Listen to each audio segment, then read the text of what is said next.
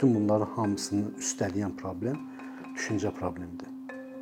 Bax, o düşüncə problemi ki, bizdə təkcə teatrda deyil, kinoda da mövcuddur, müəyyən dərəcədə ədəbiyyatda da mövcuddur.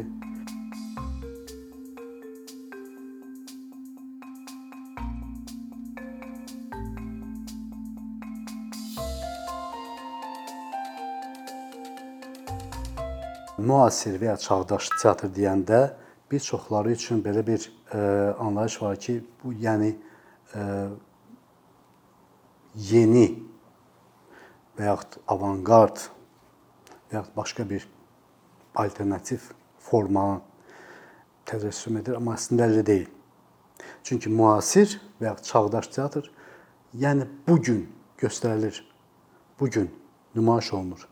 Faktiki olaraq bu gün göstərilən tamaşalar, hansı cəmaatı, bütün teatrlar hamısı çağdaşdır. Hamısı müasirdir.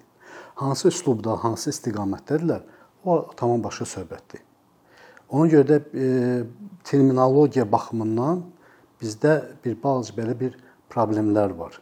Problemlər birinci növbədə çox zaman deyilən sözün hansı konkret işlənilən termin həqiqətən nəyə nədən ibarət olduğunu və yaxud nə bildirdiyini bir balaca səhv anlaşılır. Və onun nəticəsində də o bir domino prinsipindən bir-birinin ardınca e, həmin o nəticələri gətirir ki, e, çaşqınlıq yaradır.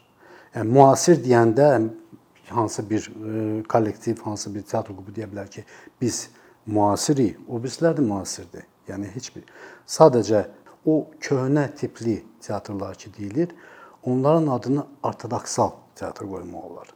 Bütövlükdə bizim çağdaş Azərbaycan çağdaş teatrının e, dünya teatr prosesinə qoşulmaq məsələsinə gəldikdə birinci növbədə problemlər dairəsini təyin etmək lazımdır. Müəyyən dərəcədə bütün teatr e, sahəsində məşğul olanlar adətən belə iki düşərgəyə bölünürlər. Birinci düşərgədə olanlar hesab edirlər ki, e, əsas problem bizim Azərbaycan teatrının maddi texniki bazasından, e, kifayət qədər inkişaf etməməsindən, e, kifayət qədər maliyyələşdirilməməsindən yaranan səbəblərdir. O birisi düşərgə isə daha çox e, müəyyən bir kadrların çatışmazlığından rejissor, dramaturq, müəyyən dərəcədə aktyor, rəssam və bu e, yaradıcı insanlar üçün kifayət qədər azadlığın olmamasından şikayətlənirlər. Deməzdim ki, bunlar hamısı haqsızdılar, müəyyən dərəcədə haqlı ola bilərlər. Lakin teatr o qədər qəlis, o qədər mürəkkəb bir sistemdir ki, orada nəyisə həll etmək e, konkret hansı bir e, nəsnənin həll edilməsindən olmur. Qısaca deyə bilərəm, yəni ki, aktyorlar var ki, deyirlər ki, yaxşı rejissor yoxdur. Eyni ilə rejissorlar deyirlər ki, rəssam yoxdur. Rəssam deyir ki, e, yaxşı rejissor yoxdur. Və ilaxır hamısı bir əslində kompleks formasında həll olunmalıdır. Və ən böyük problem birinci növbədə bütün bunların hamısını üstələyən problem düşüncə problemidir. Bax, o düşüncə problemi ki, bizdə təkcə teatrda deyil, kinoda da mövcuddur müəyyən dərəcədə ədəbiyyatda da mövcuddur. Ümumiyyətlə mədəniyyət və incəsənətin bütün sahələrindədir. Və mədəniyyətin öz-özlüyündə nəyə xidmət elədiyini, eləyəcəyini fikirləşməzdən əvvəl mədəniyyətin özünün nə olduğunu birinci təyin etmək lazımdır. Bir çox zaman mədəniyyət demişdim formula kimi kimdənsə eşitmişdim. Mədəniyyət yəni ki incəsənət üstəgəl ədəbiyyat Əslində mədəniyyət hər şeydir. Mədəniyyət təkcə tarix, dil, ənənələrimiz deyil. Teatrda bu mədəniyyətin bir balaca xırda bir hissəsi kimi, bir sahəsi kimi qəbul etsək, özündə bütün onun mədəniyyətin bütün problemlərini özündə cəmləyir. Və bu teatrda belə bir problemləri sırf konkret hansı bir rejissorun tapılması ilə və ya aktyorun inkişaf etdirilməsini həll etmək qeyri-mümkündür. Nəyə görə? Bütün belə deyim, səhhətlərin açıq olmasına baxmayaraq qloballaşmış formada bir-birinə e, insanlarla dünyanın istənilən tərəfində ünsiyyətimiz olmasına baxmayaraq biz sanki çox qapalı bir qınımızdayıq, belə demək olar. Yəni əslində əsasən qərb teatrında keçən əsrin sonuna yaxın inqilabi rahat cürətlə demək olar ki, inqilabi müəyyən bir ə, hərəkət başlayıb. Onun müəyyən dərəcədə uzaqdan uzağa təsiri Azərbaycanda mən deməzdim ki, sezilir. Yəni klassik deyilən teatrda ortodoksal adlandırıram. Buna qarşı çıxmaq istəyən ə, müxtəlif qruplar, individumların fəaliyyəti bütövlükdə hamısı çox köhnədir. Həddindən artıq köhnədir. Əsas problem ondan ibarətdir. Teatrda məşğul olanlar nəzərdən qaçırırlar. Bütöv cəmiyyət dəyişib əslində. Nə formada dəyişib? Birinci insanların qavrayışı dəyişib. Çox sadə misal. İndiki bizim ətrafımızda, bizim özümüzdə artıq smartfonsuz biz həyatımızı təsəvvür edə bilmirik. Və bu smartfon bizim qavrayışımızı necə dəyişib?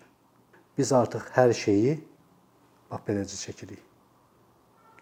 Halbuki operatorlara soruşarsa, əvvəl geniş kadr götürmək lazım idi. Əvvəllər məsəl üçün şəkil çəkəndə bizdə fotoaparatla işləyəndə bəzən hansı toy, hansı məclislərdə, hansı bir kimsə selfizat çəkmək istəyəndə artıq yalnız və yalnız bu cür çəkirlər. Hətta videonu belə çəkməyə başlayırlar. Bu elə belə deyil. Bizim qavrayışımız, dünyanın qavrayışımız dəyişib. Biz artıq bütün dünyanı fraqmentar formada qəbul edirik. Tamaşaçı kütləsinin artıq qavrayışının dəyişməsi teatr quruluşunda, tamaşa quruluşunda, teatrda artıq yeni yanaşmanı tələb edir. Bu qavrayışı nəzərə alaraq Avropada artıq yaranıb və bunun adını qoyublar keçən əsrin 60-cı, 70-ci illərindən. Bu sanki sonradan Hans Lehmann 1999-cu ildə öz posttraumatik teatr əsərində bunu bəyan edib. Yəni posttraumatik teatr dövrü kimi. Həmin teatrın kriteriyaları tam dəqiqləşdirilməyib. Çünki bir çox beləcə müxtəlif cəhdlər və quruluşlar mövcuddur.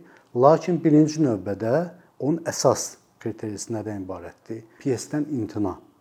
Yəni teatr ə, e, həmişə nə cür idi? Teatr tamaşası qurulurdu. Birinci növbədə mütləq surətdə hansı bir ədəbi materiala söykənirdi. Ədəbi material nə demək? Pyesdir, e, hansı bir hekayənin, romanın və ya poemanın səhnələşdirilməsidir. Ona yaxın bir ssenari qurulmasıdır. Birinci növbədə bu idi. Ondan sonra gəlirdi artıq rejissor, aktyor, rəssam və ilax və ilax və ilax. Bu ardıcıllıq artıq pozulub və əvvəlki əvvəllər kimi məsəl üçün dramaturqun dominantlığı var idi. O dominantlıq artıq posttraumatik teatr dövründə heç nə keçirilir və dramaturq faktiki yaradıcı qrupun bir hissəsidir. Bir üzvüdür. Və burada əsas birinci növbədə hansı bir ideya, hansı bir konsepsiya müəyyən bir vizual həll, ondan sonra artıq mətn tərtib olunur. Və bu həmin o fraqmentarlıq, yəni ki, artıq pyes e, tamaşa heç nə demir. Yəni o tamaşanın özlərində heç bir e, vəzifə qoyulmur ki, sən nə isə deməlisən. Heç bir mesaj ötürmək söhbəti yoxdur. Nə isə bildirməlidir, nə isə maarifləndirməlidir tamaşa. Artıq o ideyalar yoxdur. Sadəcə müəyyəndir hər bir tamaşaçı üçün onun özünün öz həqiqəti qurulur. İlk nəzərdən baxanda posttraumatik teatr posttraumatik üslubda belə deyək, qurulmuş tamaşa ilk nəzərdən xaotik görünə bilər, mənasız, məntiqsiz, bağlantısız. Və bu məhz həmin o qavrayışı nəzərdə tutur.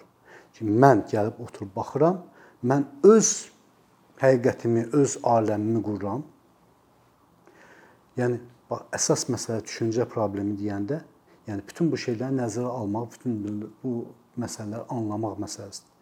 Bunları anlam anlamadan nə qədər sinəmizə döysək də, nə qədər biz desək ki, yox, biz müasir teatrla məşğuluq, biz yəni köhnə üslubda. Yəni posttraumatik teatr heç də deməyir ki, rədd eləyir, inkar eləyir klassik formada qurulmuş tamaşalar. Xeyr. Bütün bunlar hamısı paraleldir. Bütün bunlar hamısı eyni zamanda mövcuddur. Lakin bizə bu da lazımdır. Yəni ki, biz nə cürdür istənilən kəs nə qədər özünü alternativ düşüncəyə və yaxud mm, hansısa bir qabaqcıl düşüncəyə malik olduğunu bəyan etsə də, qurulan tamaşalar daha çox konjunktura və yaxud epataj xarakterlidir. Yəni birinci növbədə biz tamaşaçını necə şey e, cəlb edirik özümüzə. Amma ki nə isə eksperimentdə keçirmək, nə isə cəhd etmək qorxusu hiss olunur. Düşüncə problemi deyəndə mən onu deyə nəzərdə tuturdum. Və bunu daha çox gənclərdən gözləmək lazımdır. Gənclərdə o cür cürət nədənsə çox azdır. Mən həm ki o qədər də müşahidə eləmirəm. Və ə, həmin gənclər də orta yaşlıların yaş fərq eləmir. Yaş məsələsi deyil. Burada artıq beyin, düşüncə azad olmalıdır. Düşüncə azadlığı o qədər də yoxdur. Və mən çox istərdim ki, Azərbaycan teatrında hər bir yəni spektri geniş olan bir növlər təqdim olunsun. Sırf konkret ancaq klassik, yəni ki, ortodoksal, sırf ancaq konkret alternativ hər bir formada teatr mövcud olmalıdır. Bizdə həmin o keyfiyyəti qaldırmaq lazımdır. O keyfiyyəti də nə maddi texniki baza, nə hətta ə, dəvət olunmuş rejissor təyin eləmir. Bizim özümüzdə həmin düşüncə məsələsini, yəni müasir düşüncə ilə ə, kifayət qədər azad düşüncə, azad fikirlə qurulmuş tamaşalar onu qaldıra bilər. O cür təqdim oluna bilər.